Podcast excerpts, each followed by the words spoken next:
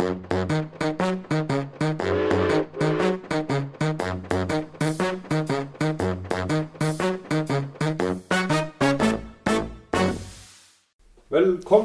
kjære lytter, til en uh, ny episode fra Ekspedert. Ekspedert er en podkast fra Narvik museum. I dag er temaet hva som skjedde dagene etter det tyske angrepet 9.4. Og eh, vi har som gjest i studio han eh, Jan Petter Pettersen. Faktisk så er det vi som er gjest hjemme hos han, egentlig. Eh, men uansett så er det det tyske angrepet som er tema, og vi skal eh, først ta oss og rekapitulere litt om eh, hva som har skjedd den 9. april. Du nevnte jo at han Birger Eriksen på Oscarsborg nede ved Drøbaksundet og han Carl Gustav Fleischer det var de to eneste som faktisk fulgte instruks og holdt hodet kaldt den 9. april.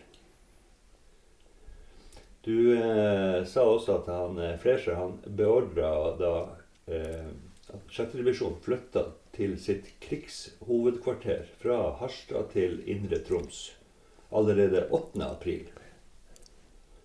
Eh, og også satte i gang eh, mobilisering den 9. april. Slik at eh, det var jo gjort delvis forberedelser her oppe for å kunne starte en, et motangrep eller en motoffensiv mot det tyske angrepet, som, som var helt eh, overraskende. Og situasjonen var jo kaotisk både i Narvik og mange andre plasser. Eh, men flere av de tyske jagerne de gikk jo rett mot Bjerkvik uten å gå innom Narvik. Og hvorfor var Bjerkvik et så viktig mål? Ja, jeg pleier å si at det, det viktigste militære mål i Indre Ofoten, det var Bjerkvik. Vi har jo veldig fokusert på Narvik. Selvfølgelig har vi det. For det var jo det som var det overordna målet for hele felttoget. Å stoppe eh, transport av den jernmalmen, den livsviktige jernmalmen fra Kiruna ut. Men på den annen side så fokuserte man for mye på selve punktet Narvik by og ikke så for seg, skal vi si, eh, den militære situasjonen i en større, i en større sammenheng. Det, det, det, høres litt, sånn litt vanskelig å, å, ordlegge seg på den måten, men det, det var jo, jo Churchill som, som sto bak dette. her, det voldsomme fokus på Narvik by. Men det, er klart at i en forsvarssammenheng så var Bjerkvik veldig mye viktigere. For det var jo der faktisk flere tusen soldater skulle mobilisere. Det var jo der utstyret til disse soldatene var. Så det var jo det mobiliseringsstedet. Og når vi ser sånn i ettertid på hva, hva, hva, Hitler eller tyskerne hadde for planer, både i sør og i nord, så var det jo å gå mot mobiliseringsstedene allerede i første fase. Det gjorde de jo på Østlandet, og, og, og, og fikk kontroll over dem. Og det var jo en av grunnene til at mobiliseringa gikk så galt som den gjorde på Østlandet når den først kom i gang. Mobiliseringsstedene var tatt. Og eh, den styrken som kom mot Narvik, det besto jo av ti jagere og, og, og drøye 2000 mann. De var jo fordelt i, i tre grupper, eh, mm. faktisk. Mm. Den ene gruppen skulle gå mot Narvik. Det var jo ledelsen med Ditel og, og marineledelsen. Og én bataljon, annen bataljon til, til, til, regimentet. Mens de to andre, første og tredje bataljon, de var jo i, i, i en annen gruppe bestående av tre jagere som gikk direkte mot Bjerkvik. De skilte jo lag ute i Ofotfjorden. slik at De angrep jo Bjerkvik og Narvik samtidig. Men med en dobbelt så stor styrke mot Bjerkvik. For nettopp å ta eh, mobiliseringsstedet og få kontroll over det. For, for å, å, forhindre enhver en mulig norsk motstand eh, senere. Eh, gruppe tre, for å ta det, det var jo de to jagerne som gikk mot de fortene som angivelig skulle være intakte ute i Ofotfjorden.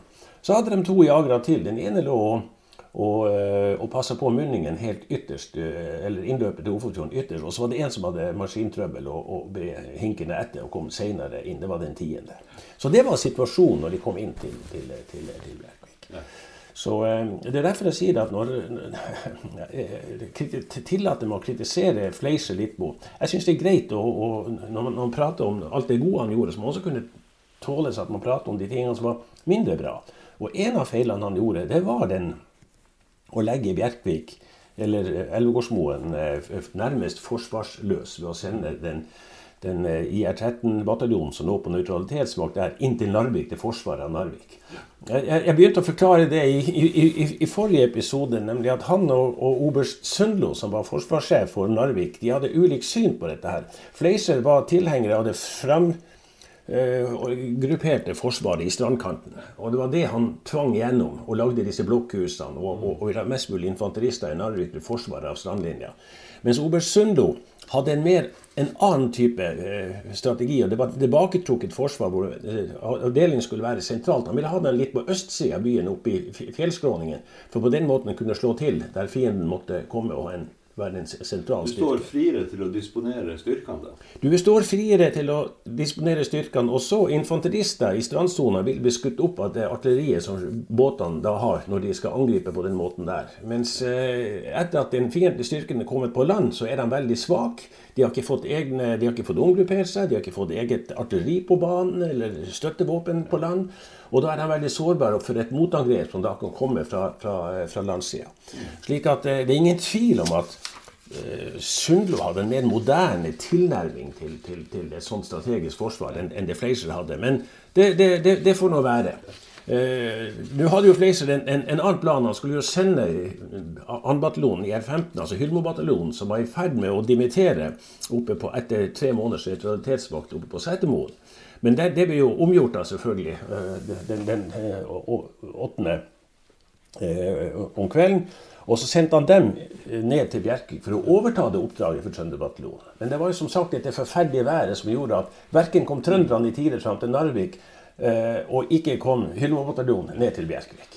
Jeg hørte også, De var så ferdigdimittert at de til og med hadde tatt ut høyet og alt fra telt og brakke. Altså Altså ja. høye som de brukte til å sove på, ja. og satt fyr på det. For ja. Det var jo eh, regelen, da. Så de, de, var egentlig klare til å dra hjem. De var klare til å Og plutselig så ble de kasta rett inn i en eh, krig.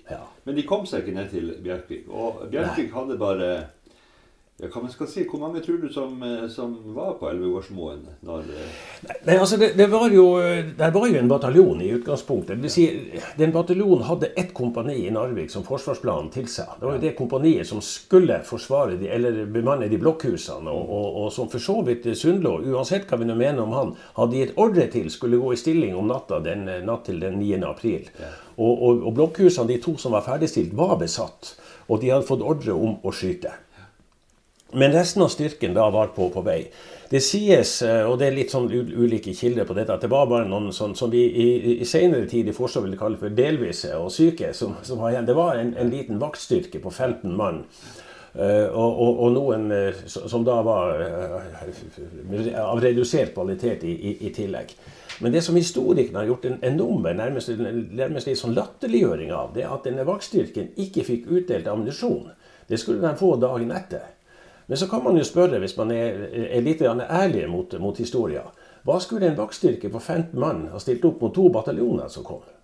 Det, det, det, det, er jo bare tøv. Eh, jo, en annen historiker, han, eh, Lars Borgersrud, for å si det sånn, han mente jo, eh, iallfall i samtale med meg, har sagt at han mente at da Trønderbataljonen forlot der, så burde de ha svidd av Elvegårdsmoen. Og det ser man jo ettertid har vært mye bedre enn å la den stå intakt. Men det er klart at å gi ordre om å svi av det store mobiliseringsstedet i en sånn uklar situasjon Med flere tusen gevær og maskingevær og mitraljøse og bombekastere og mat og klær og ski og alt. Helt utenkelig. Ja, helt utenkelig. Så det, det, det, jeg, jeg, skjønner begrunnelsen for den, altså. Men, men, det er klart at man kommer jo ikke utenom, men hvis man fortsatt går litt på den tilnærminga at man kan tenke seg hva om, hadde skjedd om så Altså den litt eh, kontrafaktiske tilnærminga.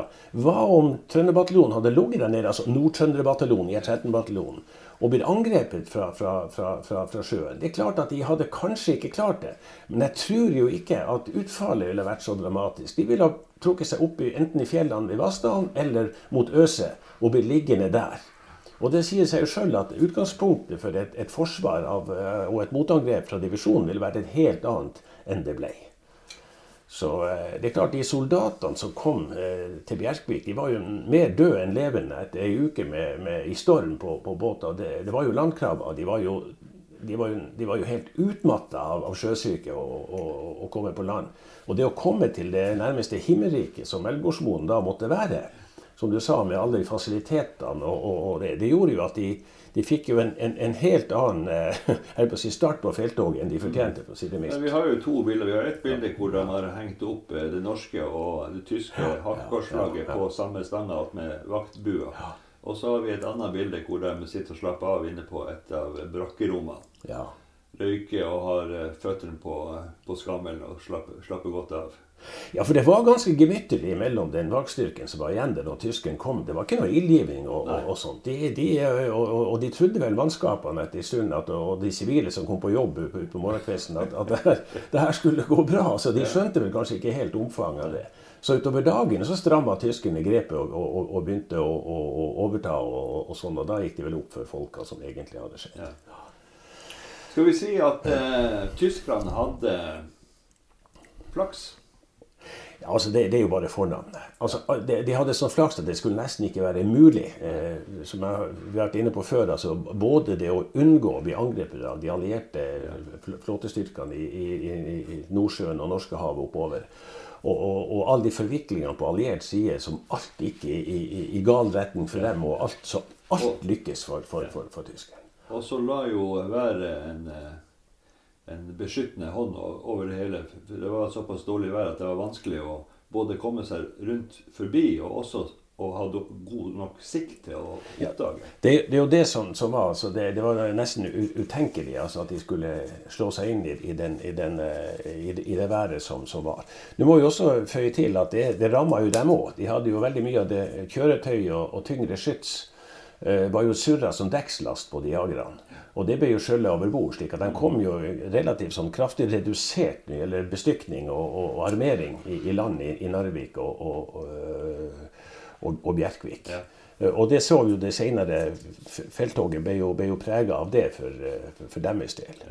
Men det, det, det, er klart at det er, en, annen sak, og det skal vi kanskje ikke prate så veldig mye om, for det, det blir litt utafor den, den, den, den eh, komfortsonen av mye altså, å prate om her, men det er klart at det som de allierte gikk feilberegna mest, det var den flykapasiteten som tyskerne hadde utvikla i mellomkrigstida, og den bruken av et moderne flyvåpen både i, i, i, en, en, i, en, eh, angrepsrolle, men også ikke minst i en etterforsyningsrolle av en, av en stridsstyrke langt eh, borte fra. Det var helt nytt. Ja. Og så, det her var vel eh, det, verdenshistoriens første samordna angrep. Altså hvor alle tre forsvarsgrener var lagt under én og samme kommando. Yes, det er helt rett. Det hadde aldri vært gjort for slik at det, det, det, var jo på mange måter Man sier jo ofte litt sånn sarkastisk at generaler forbereder seg alltid til forrige krig.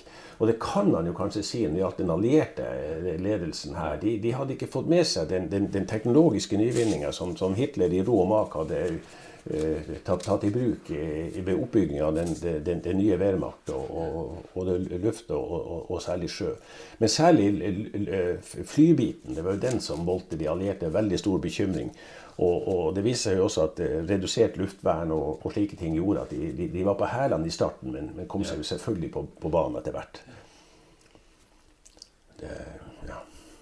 ja, og så um så har vi det med kjøretøy. Altså de, de tyskerne som eh, Og det var vel eh, østerrikske bergjegere. Ja. Alpejegere. Ja. Relativt hardbarka soldater. Altså, ja, som har vært ute med en vinterdag før, for å si det sånn. De hadde også vært med i Polen, flere av de avdelingene. Og, og, de hadde både kamptrening og trening i, i høyfjellsterreng. Ja. Men de hadde ordre om å innta, gå videre. De skulle både ta Setermoen og Bardufoss når de først var i gang. Altså, det var eh, målet til den styrken som ligger i land i Bjerkvik. Altså, eller Styrken i land i Bjerkvik og Narvik var todelt. Det ene var å sikre Narvik, hvilket de gjorde. Og det andre var å sikre Elvegårdsmoen, hvilket de gjorde. Og så var det raskest mulig å støte frem. Deretter å ta det neste mobiliseringsstedet, Setermoen. For så å, å, å, å, rykke videre frem mot eh, Bardufoss for å få hånd om flyplassen. Ja.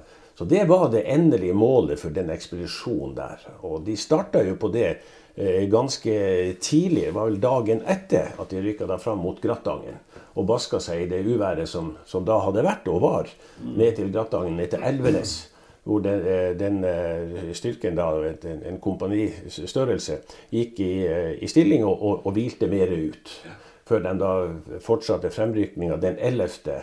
Uh, mot Lapphaugen og, og, den veien der. Ja, Og da er det at de treffer skolekompaniet. Altså befalsskolen i Harstad hadde ligget på vinterøvelse, og så ble de satt opp som et forsterka kompani for å gå fram og sikre Grattangen turiststasjon. Ja. Det var jo en av de tingene som, som eh, Fleischer gjorde allerede den 8. og 9. og begynte å forberede. Så han, han ga jo ordre til Hylmo-bataljonen, eller 2. bataljon i R15, som var i ferd med å dimittere, som jeg sa i sted, på, fra nøytralitetsvakt på Setermoen. Ordre om å dra ned til Bjerkvik for å erstatte, eller overta det oppdraget som Nord-Trønder-bataljonen hadde. De kom seg jo ikke så langt ned pga. uvær. Så de kjørte seg jo mer eller mindre fast uh, i, i, på, på, veien ned og ble iallfall sterkt uh, forsinka.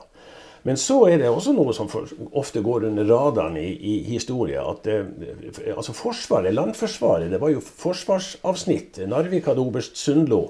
Og i Troms hadde oberst Løken. Og de satte opp en, en egen brigade, altså sjette feltbrigade.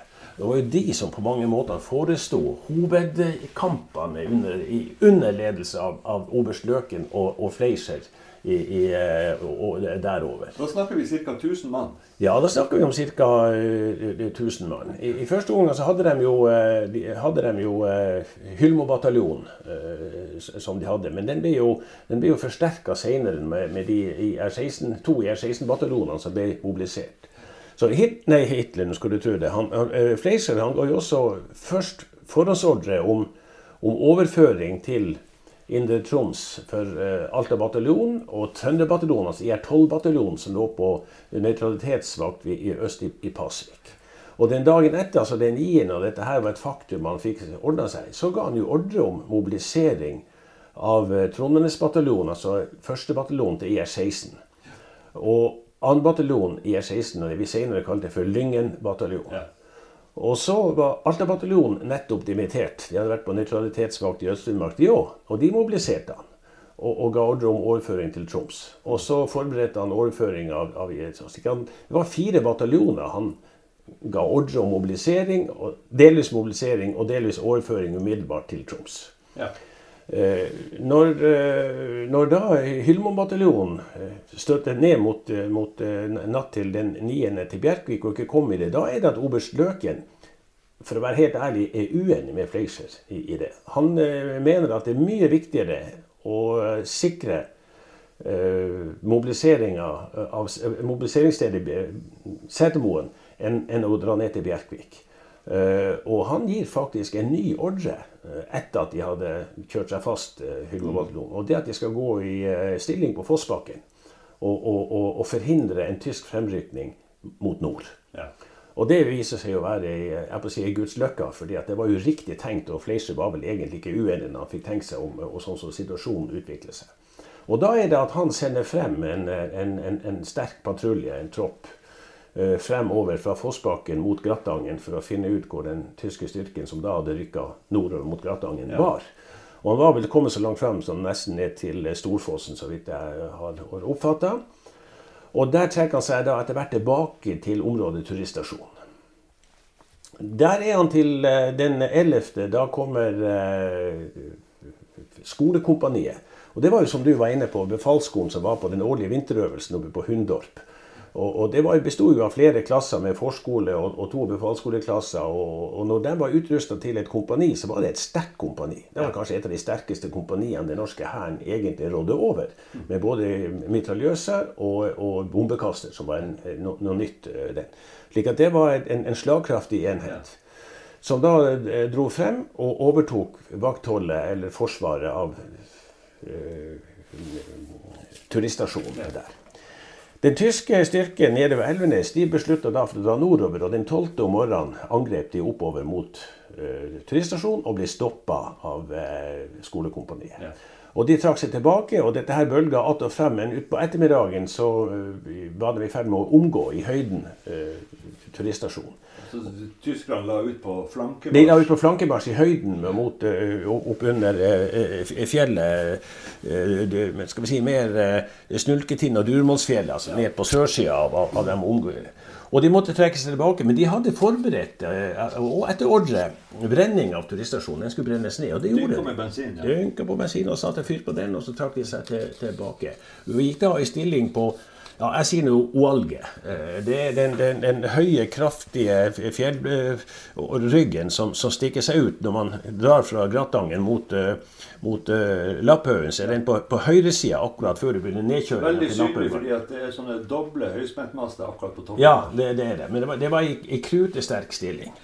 Og, og, der gikk de i, i, i, stilling og skulle stoppe fienden der. Som, kom, som da ville komme over Bukkemyra? Den, den, de ville komme over Bukkemyra, helt, helt, korrekt, langs, langs veien.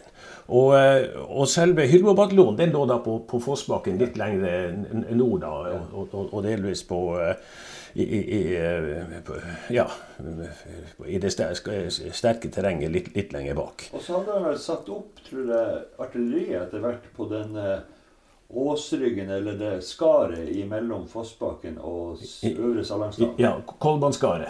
Ja, det, det, det, Kolbanskaret ble et sånt, sånt sentralt navn også, eller Kolbangruppen senere, som vi skal høre om det. Så det, det er rett. Der var også artilleriet. For artilleribataljonen var kjørt frem.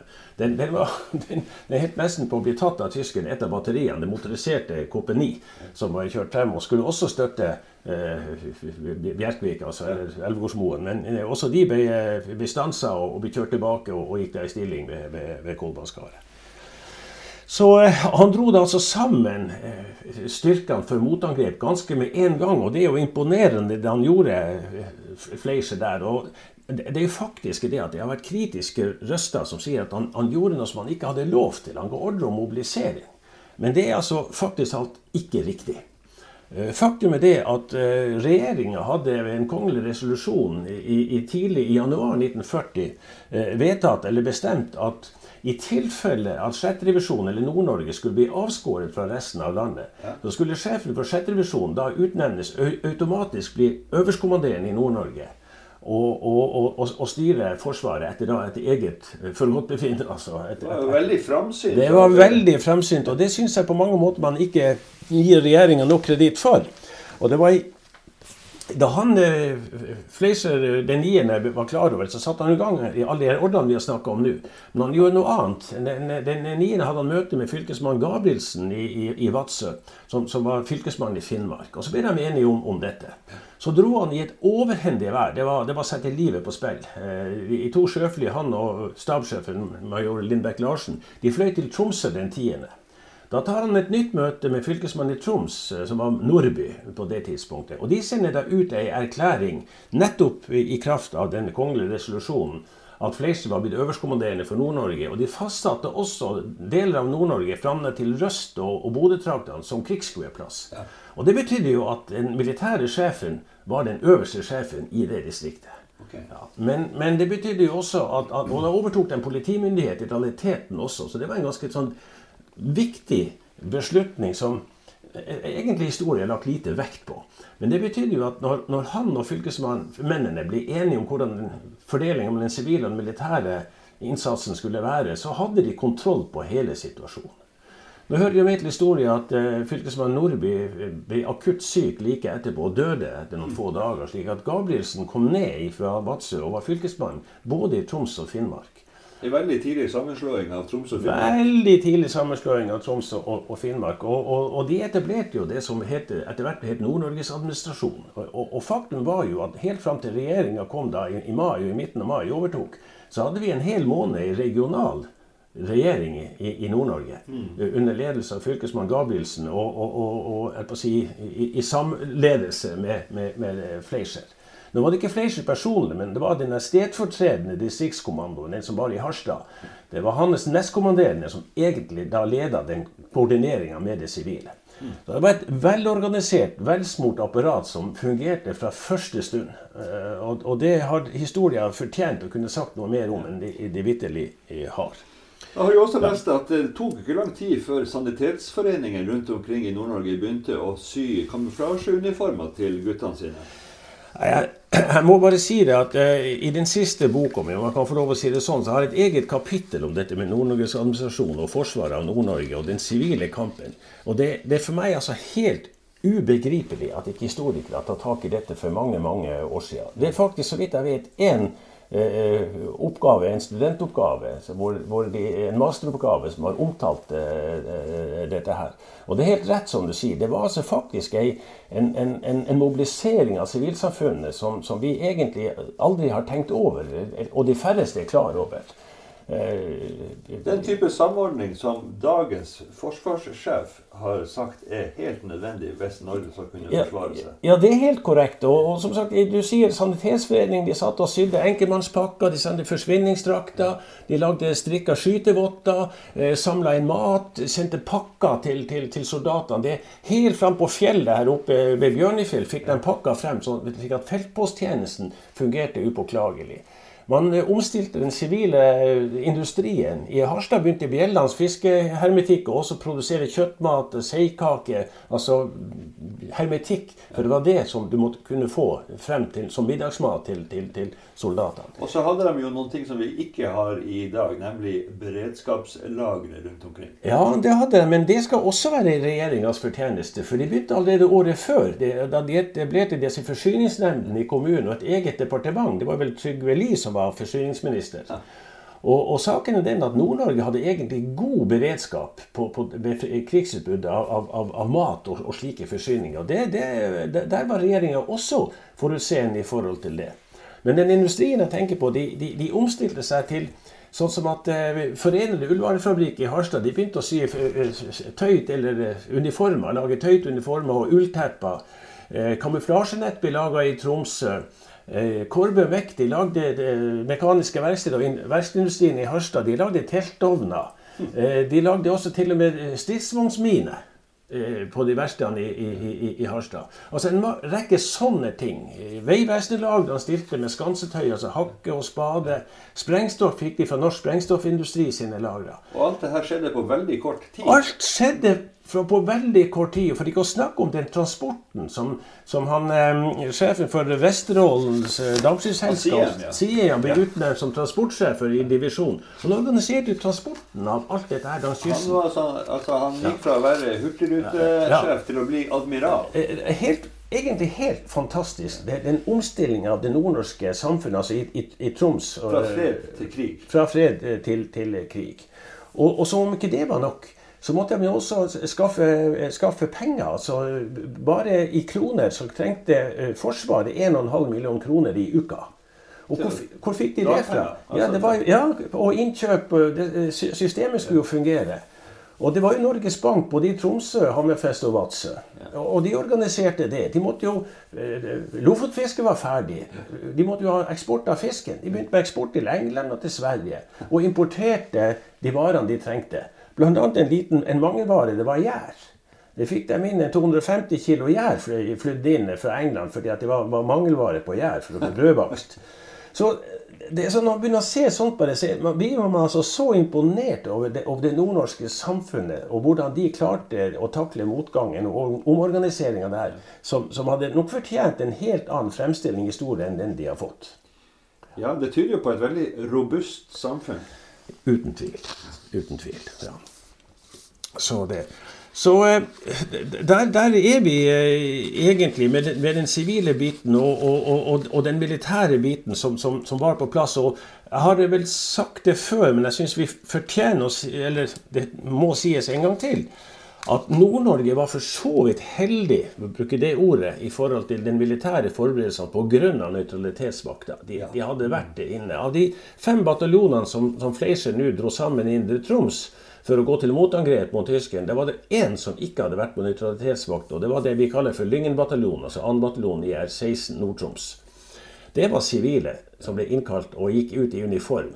Og, og, og de fikk noen dager med øvelse oppe på Setermoen før de ble sendt Eh, i forsvarsstilling i Salangsdalen da eh, Fleischer og divisjonen gikk til angrep den, den 24. Eh, da var de en slags reserve i Salangsdalen. Du, det her krigshovedkvarteret som han fikk han, han var altså i Pasvik på inspeksjon, han Fleischer, Ja. eh, 9. april. Ja.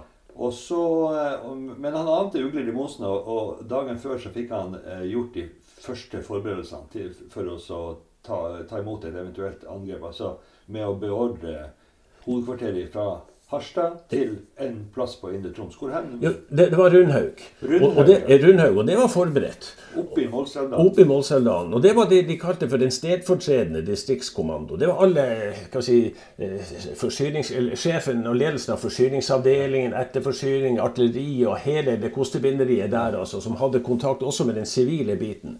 Så, og og, og det, det var det stedfortredende. Så hadde han skilt ut en, mer en operativ kommando av en, noen få mann, bestående av seg sjøl og stabssjefen og noen få tjenestegrenssjefer, og selvfølgelig litt sambandsfolk og, og ordonnanser eh, skriver og adjutant og dette her. Men de, de, de, de var ved kroken i Salangsdalen i, i første omgang, og hvor de da ved en tilfeldighet som jeg eh, nå kanskje skal, skal si litt mer om det, da, de, da angrepet starta, så kjørte de seg fast i, i, i, i Spansdalen og, og, og måtte dra tilbake natta til den, til den 24. angrepet satt inn.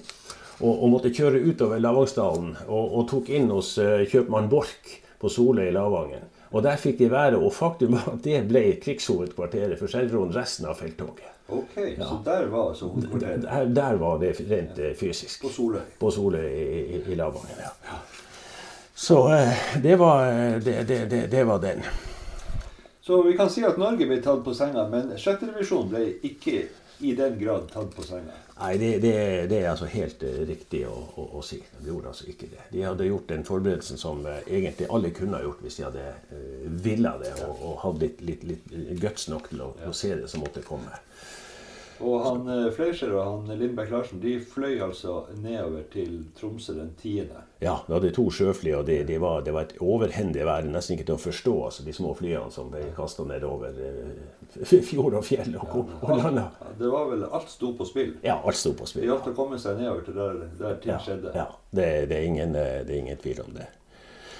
Så når, eh, når planlegger han å sette i gang en motoffensiv? For inntil nå så har han jo bare forsøkt å bremse tyskerne. Ja, han, han hadde det. Og, og, og, og som sagt, eh, Hylbo-bataljonen lå i stilling ved, ved Lapphaugen da. Og, eh, og, skolekompaniet ble ved en misforståelse trukket tilbake fra valget ganske tidlig. Det var et, et, et rykte som oppstod at 2000 mann var på vandring i, i Gressdalen og gå bak valget, mellom Lapphaugen og valget. Men det viser seg å være fullstendig grunnløst. og Det var en, en 15-åring, en guttunge, som hadde varsla telefonsentralen nede på Lavangen om dette her. Og hun ringte opp til brigaden og fortalte det. Og stabssjefen, major Holm, Tor Holm, han avviste det blankt og ga klar ordre om at dette ryktet skal ikke videre. Men så sprekker nervene til sjefen for etterretningskontoret, og han begynner å plapre videre med det og melder fra til skolekompaniet at de er i ferd med å bli omgått, og, og de trekker seg altså, og oppga stillinga uten kamp. Og det var rent sludder, hele meldinga. Og den eh, vedkommende offiser blir da umiddelbart frabeordra og sendt bakover. I rekken av ulykkelige hendelser. Så føyde den seg pent eh, Ja. inn, inn, inn i det. Men de, divisjonen eh, hadde altså eh, ordregruppemøte den eh, 22. Eh, og det var ved Kroken i Salangsdalen. Om at angrepet skulle gå inn natt til den eh, 24., altså klokka 02.30. Halv tre skulle den krysse demarkasjonslinja og angripe den tyske styrken, som da hadde satt seg fast ved eh, Veilund eh, i, eh, på Lapphaugen. Okay. Og det hadde de vel beregna var et eh, tysk kompa, kompani, eh, pluss et, et sterkt kompani. De var blitt stoppa ved jordbrua, eh, eh, men så hadde de da trukket seg tilbake til, eh, til Veilund, hvor de da våt i, i stilling. Det var situasjonen. Det var angrepet, det tyske kompaniet, tilintetgjøre det. Og det ga han en ordre om og la en plan for. Ja. Men vi skal, vi skal ta det angrepet neste gang. Ja. Eh, Nå skal vi eh, ta opp en tråd. og Det var jo det at han general Ruge, som var utnevnt til sjef for eh, de norske styrkene sørpå, Ja. etter hvert som de trakk seg oppover Gudbrandsdalen Ja. Han eh, anmoda jo da, sendte en offisiell anmodning eh, over til England og ba om alliert hjelp den 13. april. Ja. Og så, den 15. april, eller 14., så kommer altså de første allierte styrkene på kaia i Sjøvegan.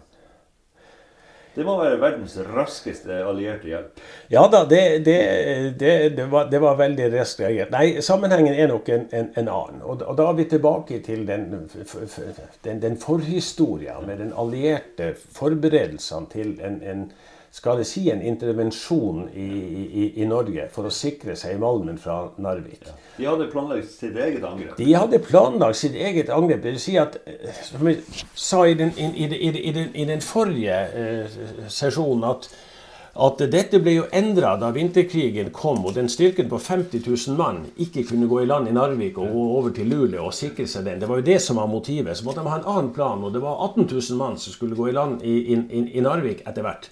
Men i første omgang så planla de å minere farvannene utafor Narvik og på, på vest... Øh, Vestlandet. Ja, for å tvinge tyske malmskip ut i, yes, ut, ut i havet. Og så skulle den allierte flåten ta dem med der. Og det var det første. Og så regner de da med at tyskerne skulle reagere på det ved fysiske angrep på Norge. Og da skulle det i fase tre, den, den britiske, eller den allierte styrken som da var forberedt på 1800 skulle gå i land i Narvik, eh, Trondheim og Bergen som, som en reaksjon. Så de, de ønsker å provosere frem en situasjon.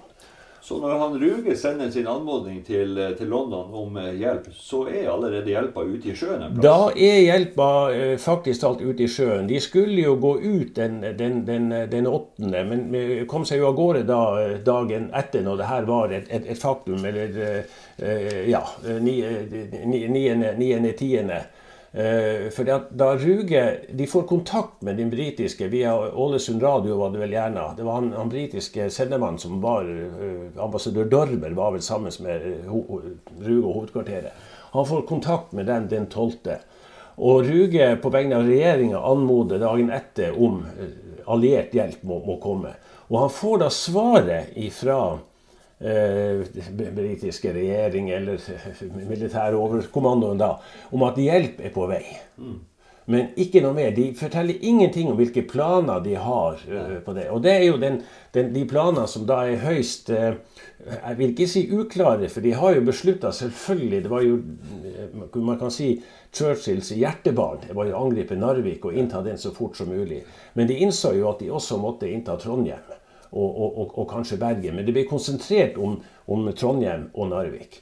Og, eh, og, da var jo den debatten som, som utsprang seg i, i, i, i de allierte krigsrådet, nesten ikke til å forstå. Det er jo den, den vinglinga som skjedde mellom styrkefordelinga mellom Narvik og, og, Trondheim, og hvilken strategi de skulle følge. For det er, der er to ting som vi bør ha med oss da. Det ene var jo at de hadde jo fått melding om de vellykkede sjøslagene 10. og, og 13. Ja. Og den, den, den, De var jo i høy stemning i, i Whitehall og i det allierte krigsrådet. De fikk høre om at den tyske flåten var tilintetgjort den 13. Og det var jo da de beslutta å redusere styrken til Narvik og sende hele den brigaden som skulle, en av de to brigadene til Narvik ned til Trøndelag. For som jeg sa, Narvik faller om kort tid. Så, så det, det, var jo årsaken til den vinglinga. Med den kolossale forviklinga og konsekvenser det fikk med materiellkaoset, og, og, som vi har omtalt litt eh, tidligere. Det andre som vi også må ha med oss, det var at eh, de hadde forberedt en operasjon Hammer, så de kalte den. Det var å angripe Trondheim umiddelbart frontalt ved skip fra sjøen. Nærmest en tilsvarende som de ønsket skulle gjøre ved, ved Narvik. Og ta Trondheim så fort som mulig. Og, og, og, den operasjonen ble av uforståelige grunner kansellert ganske umiddelbart, uten å fortelle de troppene som gikk på den andre planen de hadde, eller tilleggsplan, nemlig de skulle gå i land i Namsos og i Åndalsnes, og så ta Trondheim i en knipetangsmanøver fra sør og nord. Men de skulle ha en kile i midten, Operasjon Hammer, i tillegg. Og hadde de satsa all sin styrke på den, så vil jeg våge påstanden at sjansen for å ta Trondheim og Værnes var veldig mye større enn det de prøvde seg på med de håpløse flankeoperasjonene over Namsos og Åndalsnes. I, i, i, I, lange avstander og dårlig vei og dårlig transportkapasitet. Og hele tatt, det var og ikke minst hadde de fått nøytralisert Værnes. De fått, det, det, det, var helt avgjørende. Ja. Og, det, og det, du setter fingeren på akkurat det punktet som er viktig. Værnes var helt avgjørende for forsvaret av Nord-Norge. Ja fra vår side. altså. Og det, det, er vel kanskje en av de, de tingene jeg som, som, gammel offiser ikke klarer å forstå. Det er at man ikke så sammenhengen mer mellom eh, Værnes og, og, Narvik. Narvik var en isolert sak. Men det terrenget mellom Nord-Trøndelag og Narvik det, det, det, gikk lang tid før de allierte begynte å forstå verdien av å forsvare det. Nå sies det også i historien at Ruge skjønte det ganske tidlig. Ja, det gjorde han, men Fleischer innså det umiddelbart. Han, han, han, eh, som vi har tidligere vært inne på, allerede i slutten av april forlangte han styrke, eh, eh, at det måtte forsvares innbitt Nord-Trøndelag. og, og, han beordra jo også kommunikasjonsødeleggelser av vei og jernbane mellom Trøndelag og, og, og Helgeland. Og det er jo ikke rart, for han hadde jo vært som sagt, sjef der nede, regimentssjef, og kjente terrenget ut og inn og visste hvor sterkt det, det var. Men dette forsto ikke de allierte. Og det gikk altfor lang tid før de skjønte dette og begynte med de her såkalte independent companies, som de etablerte som en sånn mellomting mellom en, et kompani og en bataljon som skulle kunne uh, operere uavhengig. Det var fem slike de rusta ut og, og, og, sendte ned til Helgeland og Salten etter hvert. Men ingenting av det uh, fungerte. Nei. Så. De her første allierte styrkene som hopper på ned på kaia på sjøveggene, hva slags folk var det? Nei, Det var jo den, den, den eh, to, to kompani fra den irske bataljonen. Og de var jo vel for så vidt eh, greie nok. De, og yrkessoldater? Ja, de var jo det. Eh, men, men de var jo ikke skikka til å gå utafor vei. Nei, de hadde ikke ski? Nei, de hadde jo ikke ski. Så de, de satt jo i fjæra med sine tekjeler. Og, og, og, og, så, det, det, fremste kompaniet som ble lagt opp ved Fossbakken ja, De trengte jo norske vakter. Ja, de måtte avvise en tropp som, som skulle sikre dem ute med, med, med vaktposter ute i terrenget. Og, og, da var det da de kjekkaseriet kom frem, eller de, de, liksom sa det litt brautende at uh, dere må slå dem i fjellene, så skal vi slå dem ved veien. og det var jo selvfølgelig lett å si.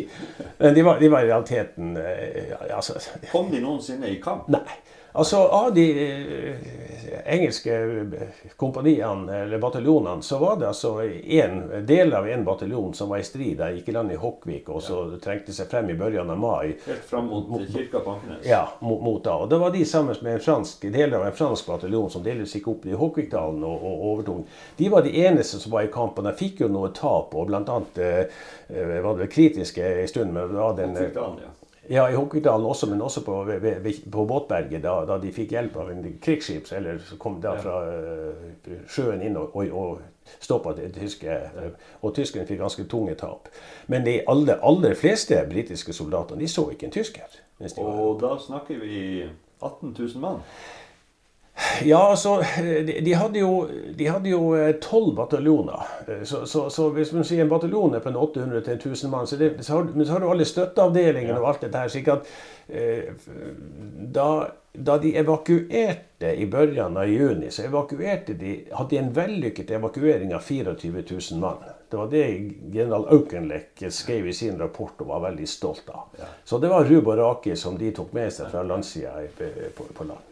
Men det ble altså ikke delt ut noen engelske medaljer for felttoget i Narvik? Nei, altså det, det, det sies eh, at Eller det, jeg leste i en av de nyere bøkene som er kommet, at det er det eneste felttoget som britene historisk har vært med på i, i, i utlandet, hvor de ikke har laga en minnemedalje for felttoget, og det var ved Narvik. De, de, de, realiteten så skamma de seg vel, vel, egentlig over e-, egen innsats der. De var, eh, var vel også klar over hva de hadde gjort. Eh, eh, de, de, du hadde massakren i Bjerkvik. Du hadde de drepte en familie på 13 mann i, ved, ved den 4. mai i, i Beisfjorden. Og man kan spørre hva Warspite skulle skyte noe i Beisfjorden. Eh, man kan spørre var det prøveskudd, eller hva var det? altså? Narvik i hele perioden ble jevnlig beskutt av artilleri fra dem. Altså, Mer enn halvparten av de sivile som ble drept, ble drept av egne. Dvs. Si allierte, allierte ild. Så, så eh, det, det, er egentlig en trist sak, hele den. Og, og, og, to anledninger, eh, både den 14. og den 24. Eh, skulle de legge Narvik by under tung artilleribeskytning fra skip før de angrep Narvik.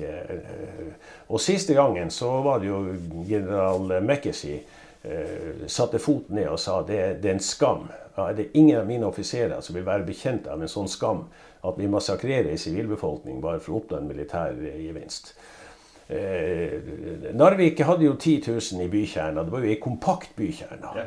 Og, og, og, de var jo den 9. april da tyskeren kom. Det rømte vel en, eller evakuerte da, en 3000 i løpet av den første uka.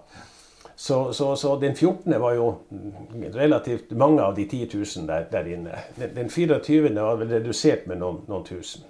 Men det var jo evakuert i etapper, og de siste 4000 ble evakuert av han eh, britiske offiseren i slutten av, av mai. Da, slik at da, så Churchill var egentlig ganske kynisk som var, eh, prøvde å presse sine underordnede til å gå til et direkte angrep på Narvik? Det, det, er ingen som helst tvil om det. Det er jo en liten kuriositet, men oberstløytnant Munthe Kaas, som senere ble oberst, som leder Lyngen-bataljonen, han var i, i 1965 på en sånn 25-årsmarkering på, på, på, på, på Setermoen.